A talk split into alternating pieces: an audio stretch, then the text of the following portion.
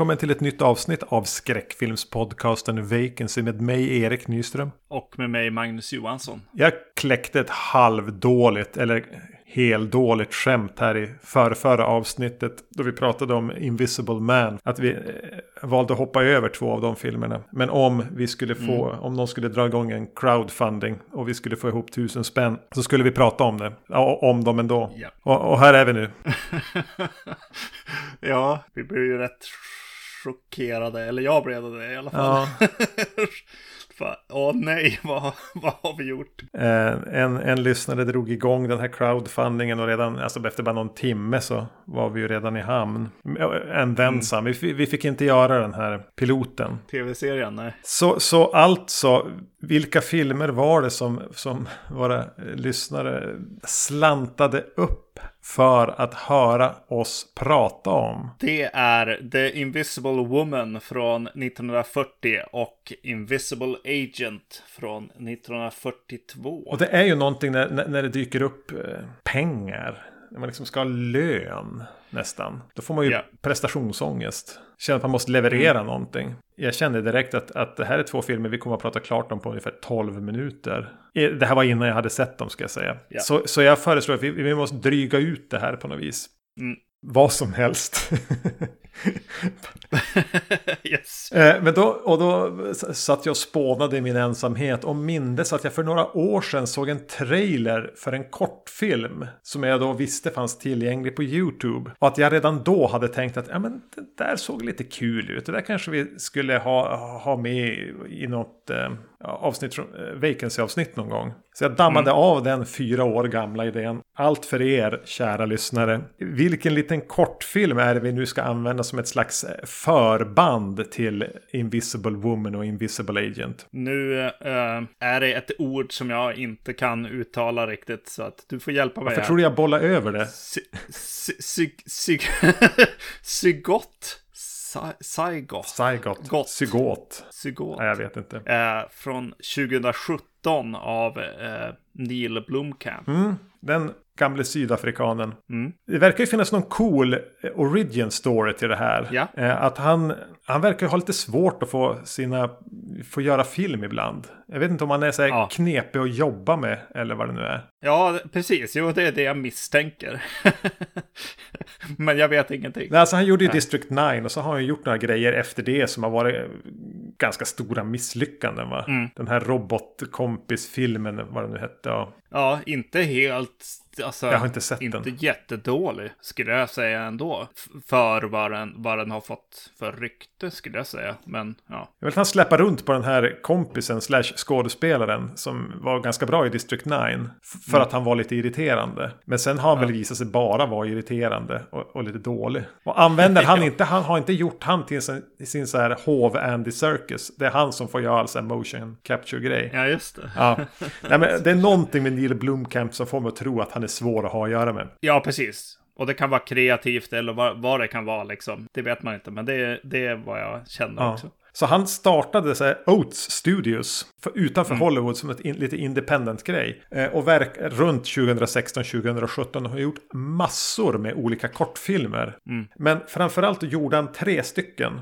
Eh, där den här Sygot Saigot är en av dem. Mm. Och jag tänkte när jag hade sett den här och såg att de andra verkar finnas på, på YouTube tillgängliga också. Att ska vi inte slänga in de två också här? När vi gör så här, två filmers avsnitt. Ja, det kan vi göra.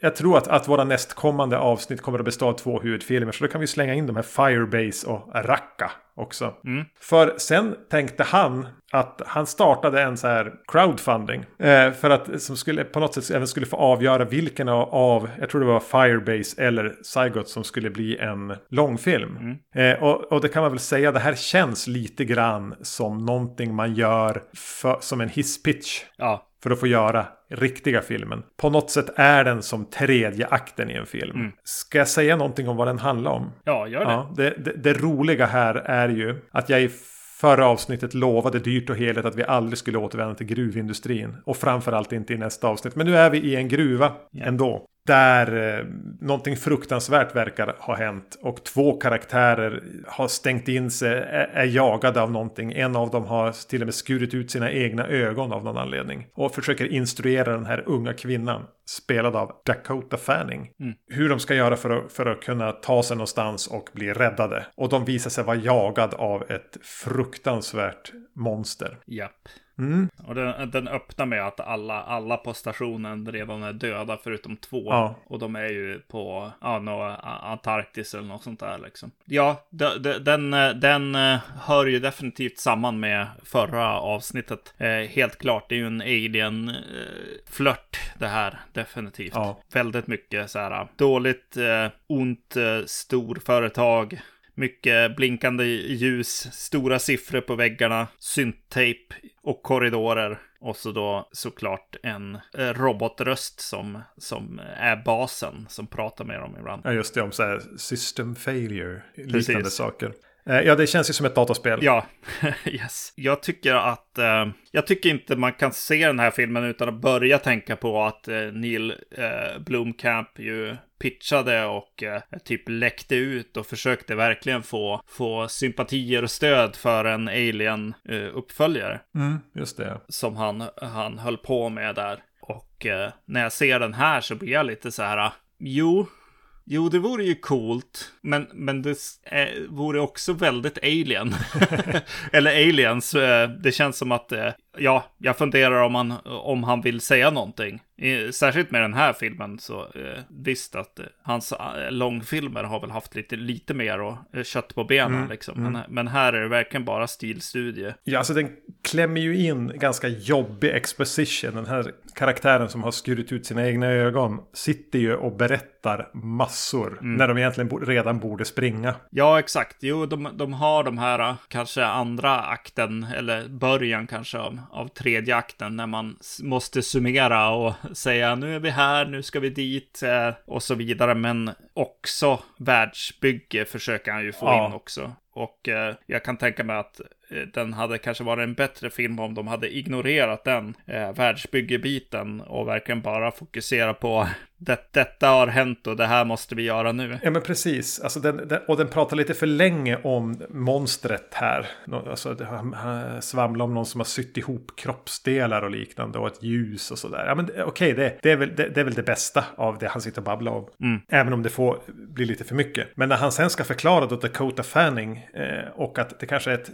någon framtida dystopi med, med, olika klasser på människor där, där vissa är vadå, kloner eller något sånt tror de. Men då ska de till och med in med en twisten där. Att nej, mm. vet ni hur dyrt kloner är? Det är bättre att köpa övergivna barn. Du är en riktig människa. Du är lika mycket värd. Spring nu, typ. Yeah. Det, det hade jag klarat mig bättre utan. Hade de, det, det, hade han kunnat lägga in när det här blev en eh, 98 minuter actionrökare. Mm. Hon ska ju som spela, ja som du sa, kanske någon klon eller jag fick nästan för mig att, att hon trodde att hon var eh, robot. Ja, något på sånt. något sätt till och med. Mm. Ja. ja, alltså. Den är ju lite charmig på det sättet. Alltså han, han smutsar ju ner det ett steg extra, Neil Blomkamp, mot för en Ridley Scott. Eh, till exempel. Ja. Det, blir, det blir mycket mer down to earth på något sätt. Det, det, känns nästan mer som att de är och springer i kulvertar och i liksom såna här maskinrum eller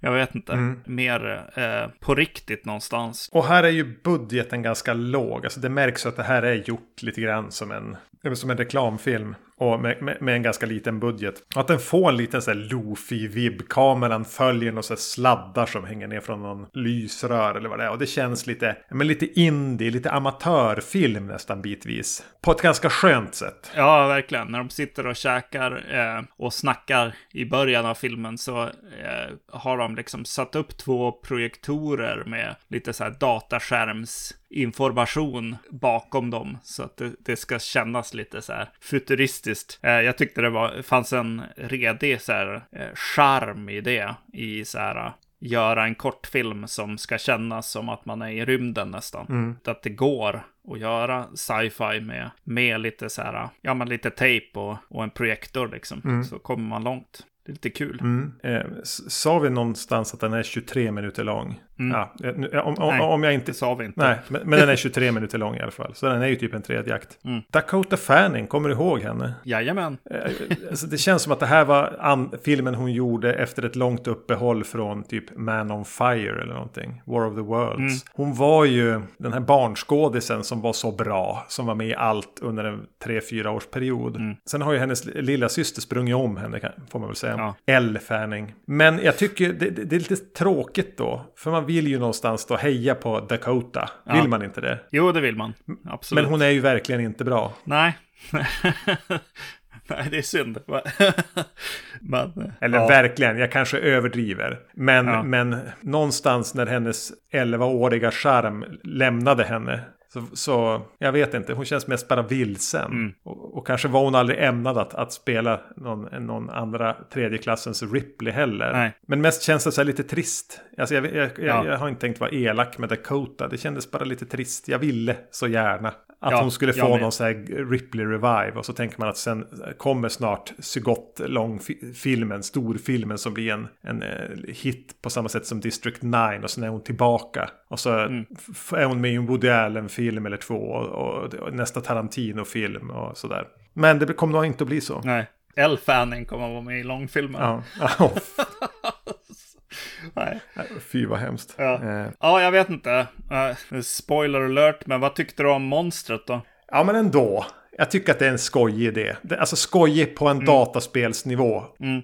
Betydligt bättre än att vara och eh, gräva i Cthulhu-mytos som un Underwater. Som vi pratade om i förra avsnittet. Ja. Sen, sen, jag menar att det är som en, massa knäppt ihopsydda människodelar. Alltså händerna, armarna på monstret består typ av massor med händer. Som mm. äh, lever sitt eget liv samtidigt som det styrs på något sätt av, en, av ett centralt nervsystem. Ja men det, ja, men det, ja visst. Visst. Och alla, allas ögon och så. Så det, ja. är, det är ju liksom crewn som har blivit det här monstret eh, Exakt. I slutändan. Mm. Det, det är lite kul liksom. Jag tyckte redan att det var roligt, eh, idén med att eh, försöka öppna alla dörrar med fingeravtrycks-id liksom. Mm. Och att monstret gör det. Jag tyck, tyckte redan att vi hade fått liksom det här lite roliga att att man eh, försöker öppna en dörr väldigt stressigt med har en nyckelring med alldeles för mycket nycklar liksom. Det är lite, lite kul liksom. Sen kände jag dock att jag redan hade fått det ögonblicket när, när den punchlinen kom. Ja, precis. Eh, mm. Så ja, men jag gillade ändå monstret. Ja. Men sen är det det här med kortfilmer för mig, alltså att de lämnar mig ganska snabbt. Jo, och, och vi sa att det var en tredje akt liksom, eh, men den stannar ju, alltså den kan ju definitivt bli, fortsätta både, både före och efter eh, den här tillfället. Ja, liksom. jo, jo. Den har inte en, en, en redig final. Nej. Där den kändes som en, så här, de vis, alltså, ja men man visar för att få finansiärer. Mm. Så ja, jag vet inte riktigt hur man, om man ska, hur man summerar en kortfilm. Gör man det? Ska vi säga någonting? Nej, jag vet inte. Nej, inte jag heller. Den finns på YouTube i alla fall. Har man 23 minuter ja. över kan man väl kolla på den. Ja, det var ingen, ingen jobbig titt och intressant tycker jag. Mm. Det finns väl andra av dem där som, som jag har varit lite mer intresserad av. Jag, jag, den här kanske inte är den första, jag vet inte. Men... Jag tror det står sig 2017 på, på i alla fall Firebase och Racka. Ja, det är nog den där Racka som jag har sett bilder från och så. Som har varit lite intressant. Så vi får se. Ja, vi, vi, någon av dem kommer väl kanske redan i nästa avsnitt då. Mm. Men, men nu hugger vi in på det vi faktiskt får betalt för. Alltså, det är helt sjukt ja. alltså. Eh, tack så hemskt mycket allihopa som, som hoppade in och och deltog i det här lite roliga, både skämtet men, men det är ju så, såklart att vi är tacksamma för att ja, oh ja. ni bryr er så mycket om oss såklart. Men lite, lite pinsamt också. men, men. Ja, men det blev den här lilla knuffen att se två filmer som nog förmodligen aldrig hade blivit sedda annars. Ja, och jag, ty jag tycker ändå att det var roligt att eh, Daniel som organiserar det här, han, han såg väl att vi kanske hade tänkt att vi kommer nog skänka, skänka bort en del av de här pengarna liksom. Om det skulle hända liksom. Så han, han satt ett tak för det. Ja. och eh, ska leverera oss eh, eh, Systembolaget presentkort för resten. Det var ju, var ju charmigt tycker jag och fint. Mm.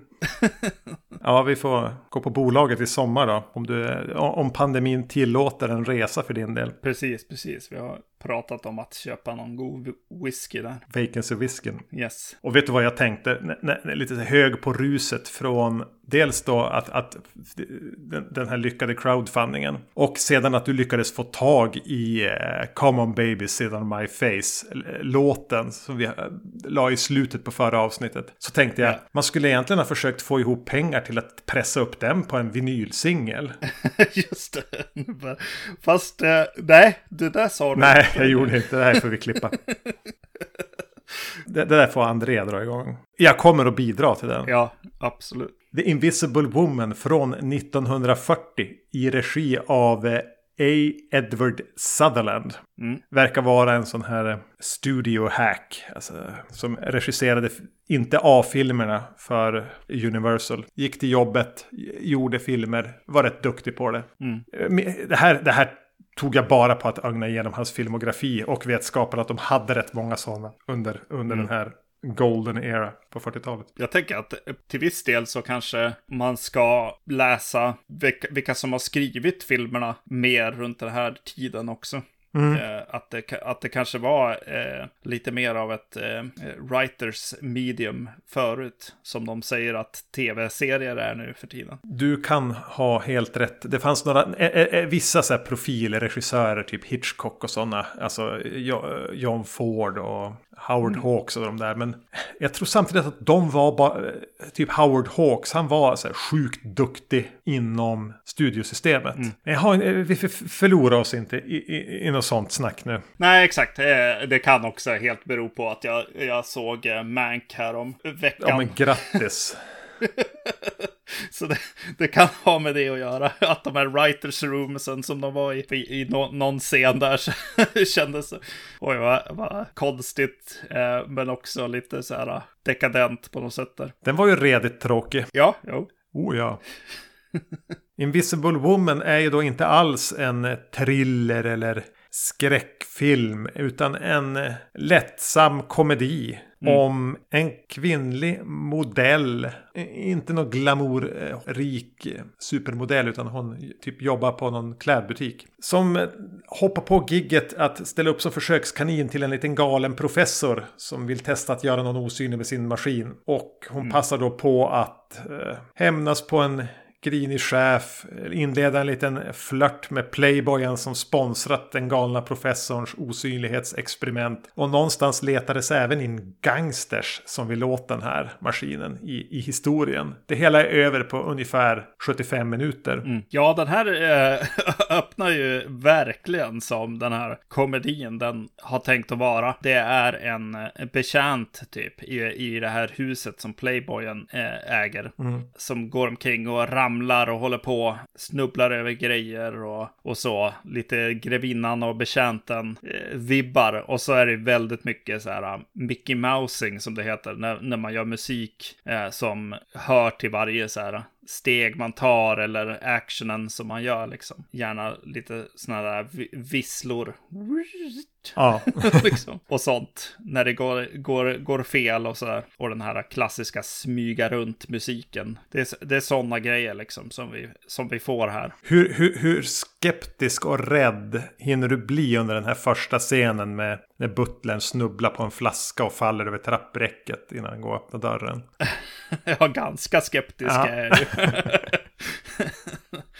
Eh, det blir jag ju. Sen, alltså det är en väldigt enkel historia, fast också lite så här, lite halvkomplex eftersom att, eh, vad heter han, den här playboyen som har eh, den här stora huset börjar bli av med sina pengar. Ja. Har liksom levt, eh, levt loppan, bjudit eh, lite för mycket kvinnor på middagar och så vidare. Och så håller han på som en, mer bara ett infall, att han håller på att ge pengar till en professor Kalkyl-typen som dessutom bor typ bredvid honom i en källare. Ja, precis. På godset.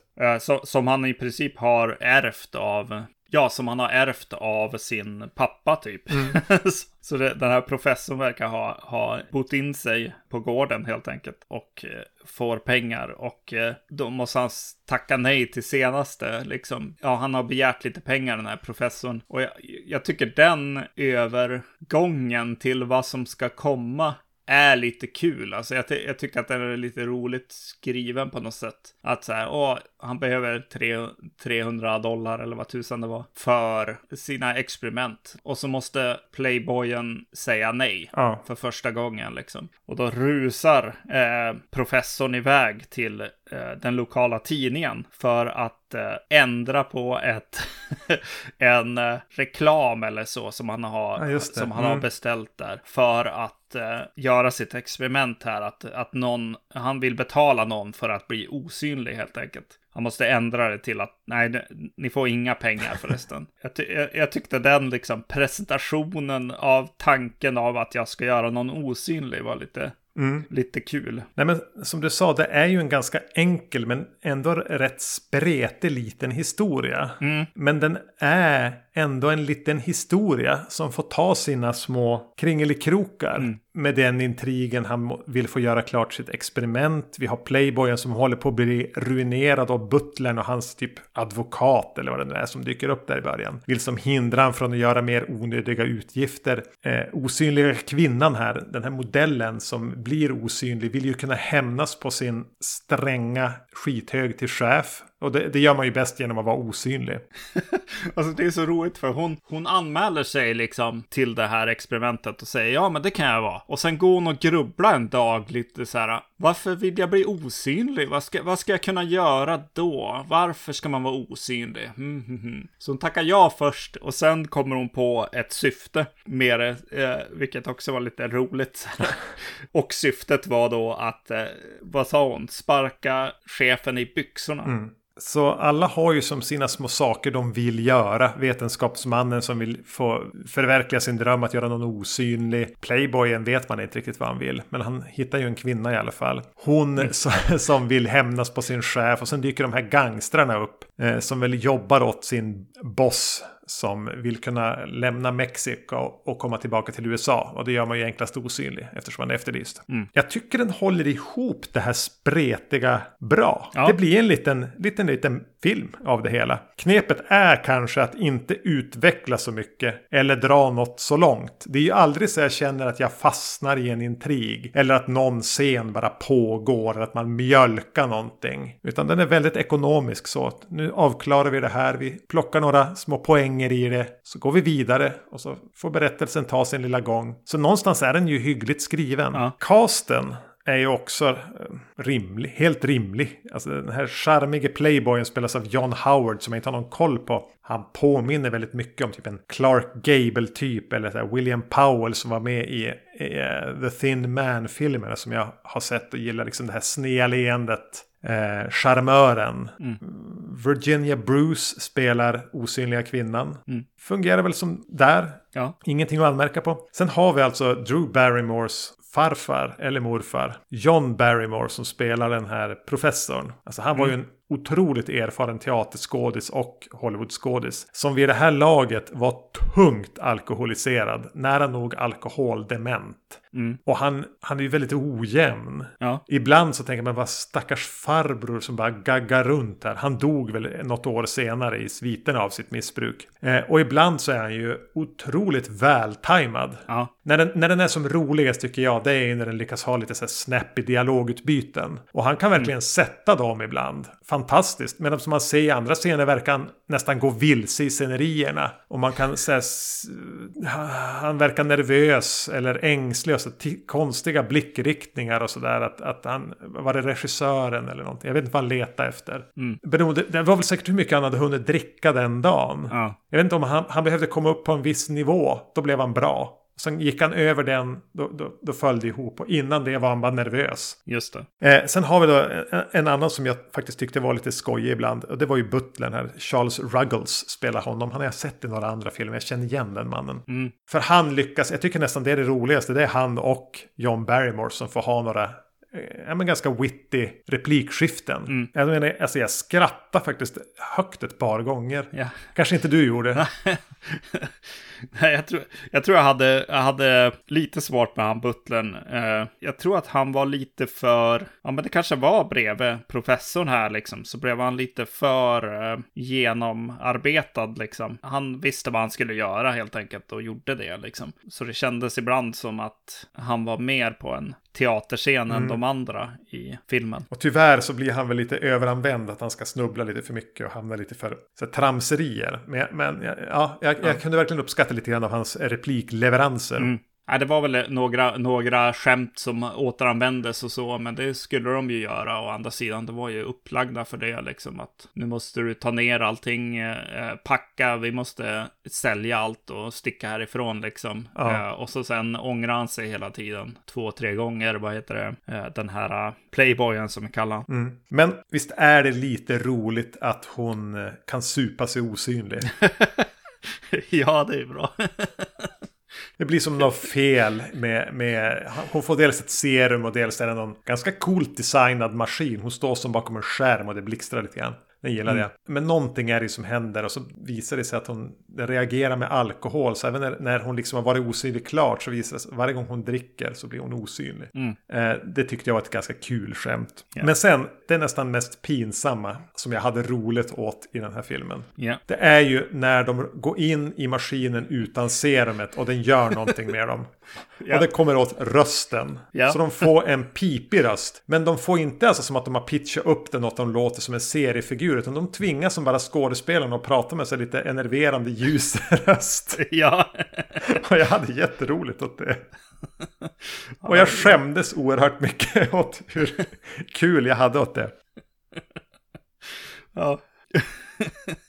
Ja, nej, det är ju bra. Och en del av de här skurkarna är ju bra liksom. Jag gillar huvudskurken, eh, gjorde jag i alla fall. Eh, för han var så bra designad på något sätt. Eh, Blackie. Ja, med ögonbrynen. Ja, precis. Jag tyckte om Foghorn. Ja, just det. Jo. Ja, bra namn. Foghorn. Han brukar heta det i alla fall. Ja. Så, typ.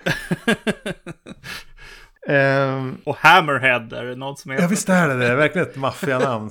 Roger Rabbit heter man så. Eller vad heter det? I Dick Tracy kanske. Ja precis. Hammerhead och Foghorn. Ja. Mm. Det är lite så här, vad heter de? Bebop and Rocksteady. Rhino ja. and Shocker. Jag blev lite förvånad faktiskt när vi såg de här två filmerna. Att först, eh, eller jag skrev en kommentar i den här filmen att så här, hon springer runt och slår slår ner lite gangstrar med en sån här träklubba. Ja. Typ en hammare, typ. Trähammare. Jag tyckte att det var så väldigt cartoony på något sätt. Ja, så det, det, det, det förvånade mig att det, fick pågå så länge också. För hon bara sprang, sprang omkring där. Det var som att det, vad heter det, stormningen av The Mansion i slutet av en actionrulle liksom. Mm. Men hon springer runt med en trähammare, slår folk i huvudet bara. Ja, eller tänk en, en, en, trä, en stor träklubba i fiskeliner som åker runt.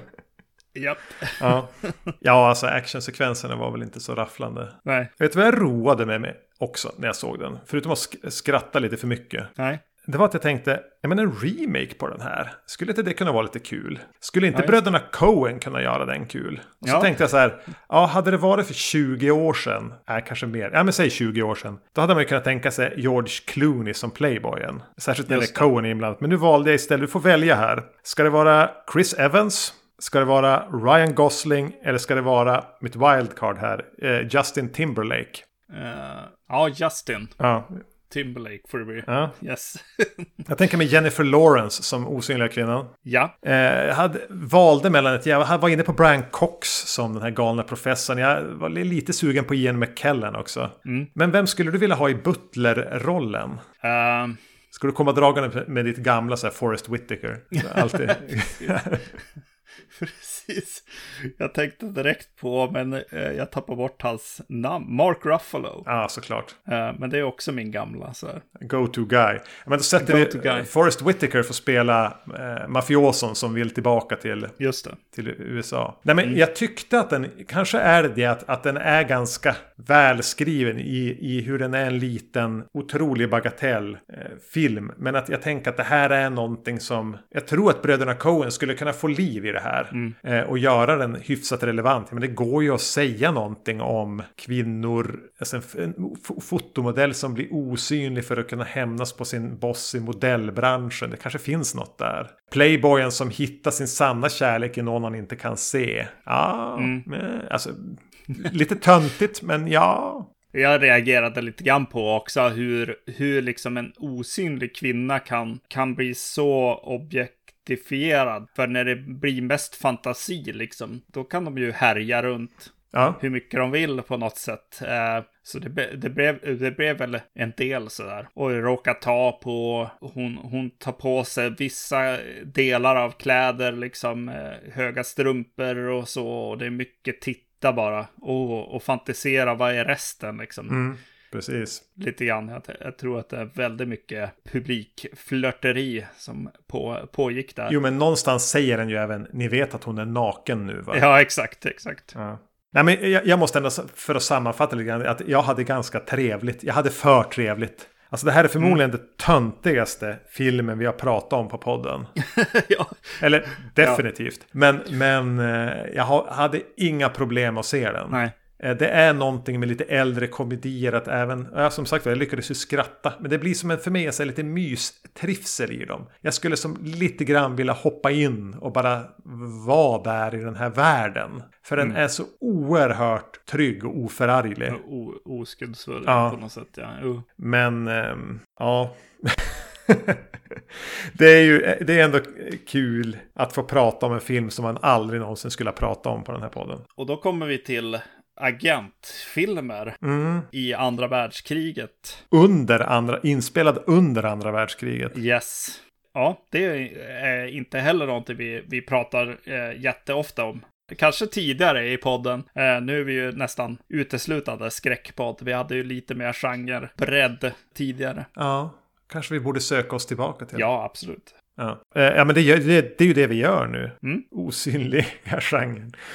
Invisible Agent från, vad sa vi, 42 va? Ja. Eh, Edward L. Marin, Marin. Mm har regisserat. Nu är vi tillbaka i, i Griffin-territorier. Det ska vi säga om yeah. Invisible Woman. Den här jävla Griffin-namnet nämns aldrig där. Men här dyker det upp ett barnbarn till den ursprunglige osynlige mannen. Mm. Spelad av den här hopplöse John Hall som var med i The Invisible Man's Revenge. Mm. Som, eh, vad är det han jobbar med? En jävla reklam, tryckeri eller någonting. Söks upp av tyska agenter i USA som har lyckats ta reda på vem han är. Och de tänker att han har formeln och vi vill ha den. För den kan verkligen tippa över kriget i vår fördel. Mm. Han lyckas komma undan dem söker upp amerikanska regeringen och erbjuder sina tjänster efter bombningen av Pearl Harbor. Mm. Och då erbjuder han dem inte bara formen utan han säger även att då ska jag göra det här viktiga uppdraget.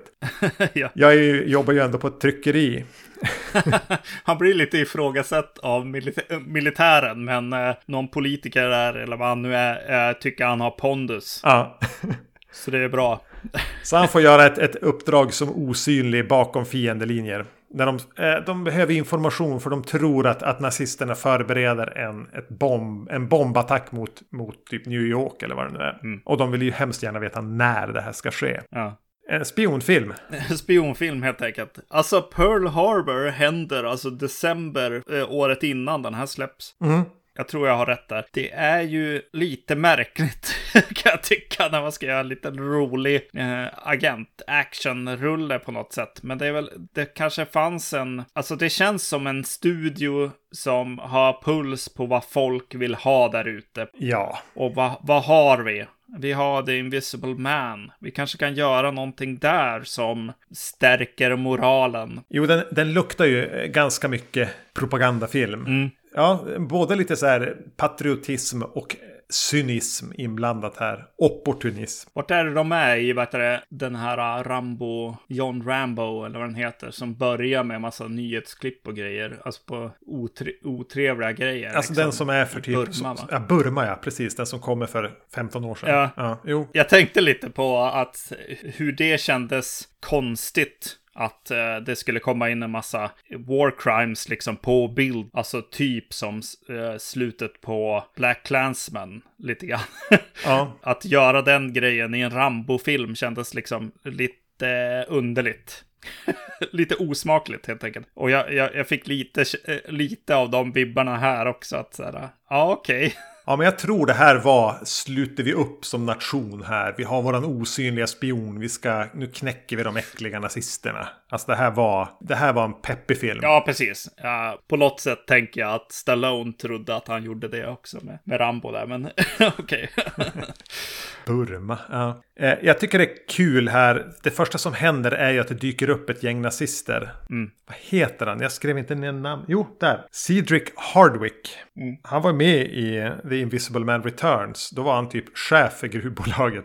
Här får han spela ärke-nazist. Jag började mm. som skratta för de är ju där som spioner liksom i något kvarter i vart det då är, no, somewhere, USA. Yeah. Och han står och röker mellan ringfingret och lillfingret och har handskar på sig. Alltså varför ska yeah. du stå och naziröka om du är spion? Eh, det, det är mest det att jag tror det är i Blue in the Face. Kommer du ihåg de här filmerna? Smoke och Blue in the Face kommer mitten av 90 så snackiga ja, filmer. Ja. Då är det Jim Jarmusch som är med i någon av dem och har en liten monolog om det. Att, att, att nazister röker alltid på två sätt i filmer. Antingen har de ciggen där ute. Eller så har de den mellan tummen och pekfingret. Väldigt krökt så här och röker. Jag tror han hinner med båda. Yes. de tränger sig in eh, och vill först köpa tror jag formeln. Mm. Eh, och eh, Cedric Hardwick här som ärkenazisten släpar runt på Peter Lorre. Ja. Vi stannar bara här för att säga när Peter Lorre går runt i det här tryckeriet och kommenterar saker och småprata. Ja. Han är så jävla bra. Ja, det är ju alltså höjdpunkten i, i filmen helt klart. Eh, han är ju så jäkla bra där och eh, ja, när han står och leker med någon med den här pappers liksom huggarmaskinen. Ja. Vad det nu heter. Ja, det är ju mycket bra alltså. Ja, men han kommer med lite kommentarer mitt i allting och påpekar någonting liksom. Han är fantastisk och hans uppsyn är så bra. Ja, han är, han är grym här. Det, det, det jag ja. gjorde efter att jag hade sett den här klart var att jag beställde Criterions utgåva på Hitchcocks första version av The Man Who Knew Too Much. Mm. För då är ju Laurie med som skurk. Och jag minns när jag såg den att han hade samma lite så här slöa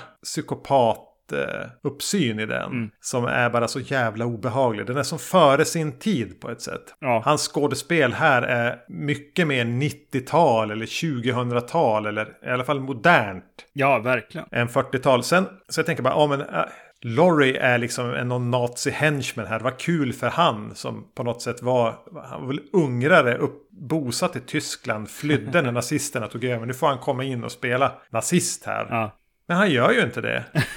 Nej, han spelar ju en jävla... Alltså han är japan. ja. Han är en japansk baron. Japp. Okej, okay, Peter Lorre har ett säreget utseende. Det har han. Och ja. han är ovanligt mager här. Mm, men han är inte japan. Alltså det är så jävla osmakligt. Ja, verkligen. Ja, vad synd att regna på, att, på, på, på, på det. Alltså, för att han är så fantastisk i början. Ja. Och så ska han visa sig vara japan. Ja, fy fan. Jävla amerikaner. Jo, det blev platt fall på något sätt för filmen där. När man insåg. Vänta nu. Vad sa ni? det, tog, alltså det var som att jag hade ett motstånd från att inse det. Mm. För han kallade han för så här Ikiro eller någonting. Mm. Jag bara nej, nej, nej, nej, nej jag hörde nej. fel. Nej. Och jag tror andra gången då är jag fortfarande i förnekelse. Men sen slutpayoffen med, som kommer med, med japanska ritualer. Bara, ja, alltså jag kan inte blunda för det här längre. Det är faktiskt så. Det är så ja. Jo, och han har ju ett japanskt gäng med sig där också. Ja, spelad av uh, genuina uh, asiater. Ja. Ledda, ja, fy fan. Eh, ett, ett annat större moment här är den rekorderliga amerikanska regeringen. Men det är väl det man får ta med att det är en propagandafilm. Efter mm. att han har vänt sig till dem då, Griffin här. De mm. är så jävla snälla. Ja, verkligen. Okej, okay, du säger att du har en formel som kan göra soldater eller människor osynliga. Det här skulle kunna vinna hela kriget åt oss. Vi skulle hemskt gärna vilja ha det. Vi skulle aldrig tvinga dig. Absolut inte. Vi är amerikanska regeringen. Vi är måna om allas frihet. Men det vore väldigt snällt om vi kunde få ta del av den där formeln. Det känns så förljudet. De skulle ha skjutit han, ja. tagit formeln och eh, skylt på nazisterna. Alltså ja. det, ja ja, det får man väl ta. Mm. Är han inte lite bättre här, John Hall? Ja, Framförallt i första scenen här Eh, standout-scenen i filmen med nazirökningen, Peter Lorre och han. Då får han faktiskt se lite bekymrad och plågad och eh, reserverad ut. Ja. Sen blir han ju osynlig. Jo, men han har ju en konstig roll i, i Revenge också. Han är ju skurken där på ett mer påtagligt sätt kanske. Eh, med sin hämnd. Även om den är liksom rättfärdigad för honom på något sätt så han har mer motstånd även i sin karaktär ja. än här. Även om man, man börjar tycka illa om han bara för att han kan ju inte låta bli att vilja bli sedd. Nej. Väldigt dålig osynlig spion. Alltså han är, det är en stor anteckning här att han är en värdelös agent. Det är en jätteviktig scen mm. där han ska söka upp en kvinna som är en, en infiltratör på, på nazisidan. Och hon har som nästlat sig in hos en massa ganska högt uppsatta nazister och försöker få information av dem. Det är en viktig mm. middag där det ska komma dit som en drummel. Eh, och han är så uttråkad när han, och han klampar som runt där osynlig ja. och stör middagen så mycket att det går åt helvete. Bara för att han typ, jag vet inte vad han är. Han typ svartsjuk eller någonting. Han är bara idiot. Förstör ja, liksom, precis. flera års arbete. Och sen gör han sig synlig med någon jävla nattkräm mm. eller vad han kletar på sig. Och så fort han har gjort det och klätt ja. sig för att visa att han finns. Då somnar han på en brits i hennes rum. Och då mm. är de på väg dit, eh, andra nazister. Och hon kan inte väcka han. Så inom loppet av 10-15 minuters speltid så har han pajat jättemycket intelligence work. Ja. Eller han riskerar åtminstone att göra det. Somna vid fel tillfällen. Ja, jag vet inte. Hur ofta gör James Bond det? Eller, eller Jason Bourne? Alltså, jag, jag blev ju bäst irriterad. Jag vet inte om man ska vara charmig eller att det ska vara lite roligt att man ska sitta i biosalongen och bara ho, ho, ho, ho, skratta åt vad som händer under den här middagen och så vidare liksom. Vad, vad, vad tokigt. Nej, jag, jag blir ju bara irriterad på honom. ja, han är jätteirriterande. Och hela den här middagsscenen, jag sa det om Invisible Woman, att den, är, den vet hur långt den ska mm. mjölka varje grej den har. Den tar inte de här extra varven. Den här middagsscenen tar ju aldrig slut och den är aldrig rolig. Det blir också mm. ett problem, för vad, vad är tonen här i den här filmen? För middagsscenen är som nästan, nästan så lite ja. slapstick humor. Och den här nazistdrummeln som är där är ju som en... Han är inte så smart. Han, man, man, blir nästan lite rörd av hur tafflig Drummelan är. Och han mm. är som den som ska ramla på rumpan hela tiden. Jag tänkte på Zorro och den här Garcia. Mm. Ja, han tänkte jag på hela tiden. Så den har som det elementet. Och så ibland är den en krigsfilm, spionfilm. Det är lite allvarligt. Vi smyger i gränden och vi ska möta upp någon. Sen sitter de och drar ut typ fiskekrokar mm. ur huden på den osynlige mannen. Jättegrotesk. Han är ju osynlig visserligen. Men det är bara, vad fan, ja. vad, vad är det här? Vad mörkt. Sen, och nu mm. spoilar jag arslet av den här filmen. Sen blir ju även den här Garcia, mm. han heter inte det såklart. Han blir avrättad va? Ja, så han, han som var lite så här kärvänligt klantig, men ändå ond, men ändå som lite drumlig. Ja. Han avrättad, han, blir, han dör. Och huvudnazisten, Cedric Hardwick här, han blir ju mm. mördad av Peter Lorre. Ja. ja. Som sen tar livet v av sig. Visst finns det mörka toner. Ja, men det blir som ett sånt mischmasch av, av att jag ska skratta åt att någon nästan drar undan stolen när någon ska sätta sig. Och sen blir den personen avrättad av en person som sen blir mördad mördad eller alltså, Ja, jag vet ja, inte riktigt. och den här scenen liksom. Det ska ju vara en liten läskig scen där han blir. Eller jag vet inte om den ska vara läskig, jag vet inte. Den ska vara rolig också. I fängelset där när han börjar lura en, en snubbe att han är, börjar bli galen liksom och så här. Ja. Jo, men det är en litet mischmasch av allting liksom. Eh, jag tänker så här att man kanske måste tänka på Amerikas liksom syn på allt och den the average Joes syn på allting. Det kanske är därför japanerna är, är konstiga, jätteotäcka på något sätt med alla krokar och... På något sätt mystiskt, ja, jo. Ja. Och nazisterna röker. Att de pratar så öppet öppet om att så här, ja det är ju klart att de kommer att vinna kriget, äh, tyskarna, och att tyskarna är väldigt så här kaxiga och känner att här har vi överläget. Det är lite kul att se en film som är från, från tiden helt enkelt och, och kunna se vad som, vad som händer ja, jo, och hur USA ser på det. För de säger ju, de lär ju inte säga sånt om USA trodde på det. Att, att ja, nu är det kört, nu kommer tyskarna ta över hela världen. Utan det är Nej. väl kanske eh, amerikansk kaxighet helt enkelt. Om vi, om vi bara hoppar in här så kommer det ordna sig liksom. Hotet att, att tyskarna skulle bomba USA känns ju ganska konstruerat också. Var det ens ett reellt hot under andra världskriget? Jag minns inte. Eller jag var inte med, det är klart jag inte minns. Grejen är att jag, jag hänger med på många av de här scenerna. Alltså det är klart att middagsscenerna är för lång och så, men jag tycker att många av de här karaktärerna är värda att se på. Peter Lorre när han dyker upp och, och hon som är agenten här får man ju liksom lite känslor för hur det ska gå för och sådär. Jo, jag tänker väldigt mycket på hon i Inglourious mm. Bastards. Hon som bryter benet. Mm. Eller blir skjuten i benet eller vad som händer. Ja, det är som att, att hon i, i den nästan är modlad på den här kvinnan. Jo, ja, jag vet inte. Jag har, jag har ganska trevligt alltså. Ska jag, ska jag säga om den här filmen? Kanske ja. till och med lite mer än Invisible Woman. I alla fall i så här popcorn underhållningsvärde på något sätt. Att jag bara, jag följer med, jag blir aldrig riktigt trött på någonting. Och sen att den liksom exploderar i någon slags här här cool, eh, liksom actionsekvens, eh, krigsrescue. Mm. Gillar jag också. Tills han somnar igen då förstås. Men... Eh,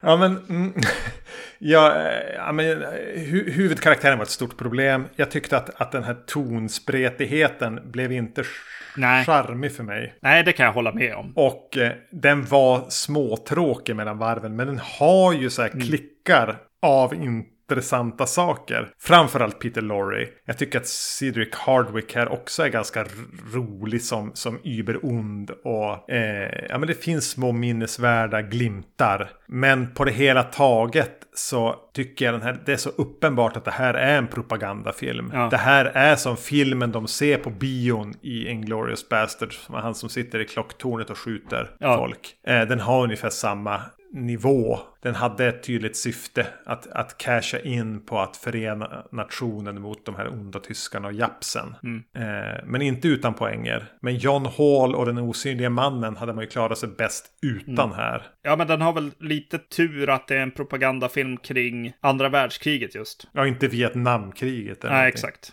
Yes. Eh, Afghanistan. Ja. Vad heter den? Green, Green Berets eller vad den heter? den är lite jobbig. Åh. Fan, nu blir jag sugen på den. Ja, det är sent, men annars skulle jag nästan... Ja. Yeah. Skitsamma. Nej, alltså jag föredrar ju Invisible Woman alla dagar i veckan före. Och jag är stolt över att jag skäms mm. över det. Men du, ska vi våga oss på nu? Nu har vi sett alla Universals. Om man skippar de här Abbott Costello-grejerna. Vi kommer säkert att hamna där också. Mm. Jag ska inte säga aldrig säga aldrig. Men kan du bara så här rakt upp och ner rangordna de här fem Invisible Man-filmerna, Invisible Woman. Även om de inte hänger ihop eller har med någonting med varandra att göra så bara spontant nu. Shoot! Oj, nej. Invisible Man är väl den bästa skulle jag säga. Jo då. Fan, minns jag de andra? Det är två till i förra avsnittet.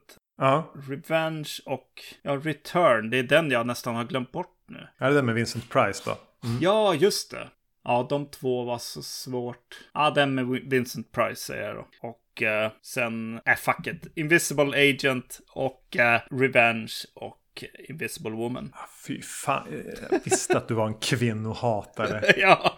Nej men Invisible, första Invisible Man är bäst. Och jag säger ändå, det fanns något habilt som jag minns det över Returns. Sen är det Invisible Woman, sen är det nog Agent och sen är det Revenge. Bara i turordning. Jo, allting blir bara sämre och sämre. mm. Det har jag lärt mig sedan jag fyllde 40.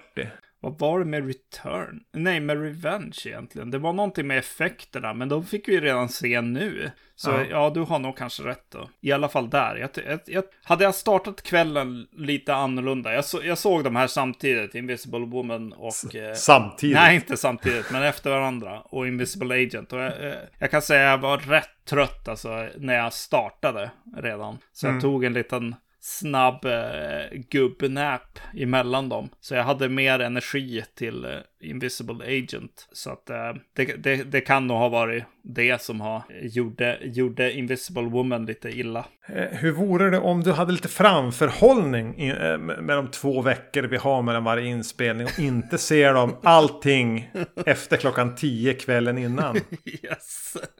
När vi ändå får betalt för det. ja, exakt. Jo, jag kunde ha gjort det. Nej, men jag tog faktiskt i uh, med, med tiden i alla fall. Det var inte så. Mm. Det var inte mitt i natten. Det var bara direkt efter jobbet, vilket var, då var jag redan slut. Det är ju ganska korta filmer. Mm. Ja, nej, eh, vad ska man säga om de här pickupen här med Invisible Woman? Jag gillade att, att ha tvingats se Invisible Woman och jag har inga problem att ha sett Invisible Agent även om jag störde mig på lite för mycket mm. med den. Men på något sätt så är det något här som känns bra om att det känns komplett. Mm. Om någon undrar vad som... Om det fångas upp något ljud av, i bakgrunden så är det en jävla katter som springer runt här och lever rövar i bakgrunden. Ja. Fan vad skumt. För jag har inga katter. Okej. Okay. Jag hade faktiskt en, en äh, jobbarkompis till mig förut äh, som äh, en dag kom till jobbet och berättade att han hade vaknat av katten i hans säng. Men han, grejen var att han har ju inga katter. Så det var en katt som hade lyckats komma in genom fönstret. Undrar hur långt liksom jag skulle börja tänka att antingen har en katt tagit sig in eller så har jag blivit galen. ja, just det. jag vet inte vad jag skulle Nej, jag vet inte. tro först. Läskigt. Mm. Nej men nu har vi ju grundat ordentligt med Invisible Man, mm. Woman-filmer här och vi kommer ju att fortsätta med det. Yes. Det känns ändå fortfarande inspirerande. Ja. Men vi kommer inte att prata om osynliga personer i nästa avsnitt. Utan vi kommer att prata om... Punkt, punkt, punkt. Ja, eh, vi har en till eh, pickup-avsnitt på ett sätt. Ja. Ni vet att eh, vi, jag, gillar The Blind Dead-filmerna. Och eh, det har kommit en ny sådan. The Curse of the Blind Dead. Som någon har gjort. Och den har vi fått tag på nu. Jag gillar att du säger någon. Någon har gjort den. Vi ska kalla regissören för någon i hela nästa avsnitt. ja. Någon fick för sig att göra det. Omslaget är helt otroligt skumt alltså. Det är så här, eh, om ni har spelat Assassin's Creed så är det en av de Assassins i, i de tidiga spelen som står bland zombies och en brinnande stad på den här DVDn som jag har framför mig. Det, det låter så jävla illa. Ja, det är alltså. riktigt hemskt. Uh. Och eh, till den så ska vi se en annan spansk zombierulle som heter The Living Dead at Manchester Morgue klassiker. Mm. Det här tänker jag är så här, mina minnen av den, nu ska, vi inte, nu ska vi inte förlora oss i det, men det är att settingen på den kommer att falla dig så jävla mycket på läppen. yes. För det, jag tror att det är lite så här, span, så här rural Spanien, eller möjligtvis rural England i något mm. mischmasch. Eh, och så yep. zombies. Och yep. 70-tal. Och lite otygligt. Ja, jag har inte sett den sen typ 2002. Ja. Så det, det, det här är djävulskt peppad på. Jag är ganska opepp på Blinded egentligen. Men ändå avhandlats. inte. Ja, precis som Invisible Agent och mm. Invisible Woman. Podcastatvacancy.se är våran mailadress. Vill ni komma med förslag på filmer vi ska prata om så kan ni skicka dem dit. Det kan man även göra på eh, Facebook där vi finns. Vacancy heter vi där också. Man får gärna kommentera det här avsnittet, eh, dela det på Facebook och så vidare. Vi finns på andra podcastställen, typ Acast, tror jag. Mm. Vilka andra man nu använder. Spotify. Yes. Berätta gärna för era vänner om att vi existerar. Om ni känner någon som behöver mer skräckfilmspodcasts i sitt dagliga brus. Eh, ja, nej, vi yes. stannar där. Tack så mycket. Hej. Tack, tack. Hej.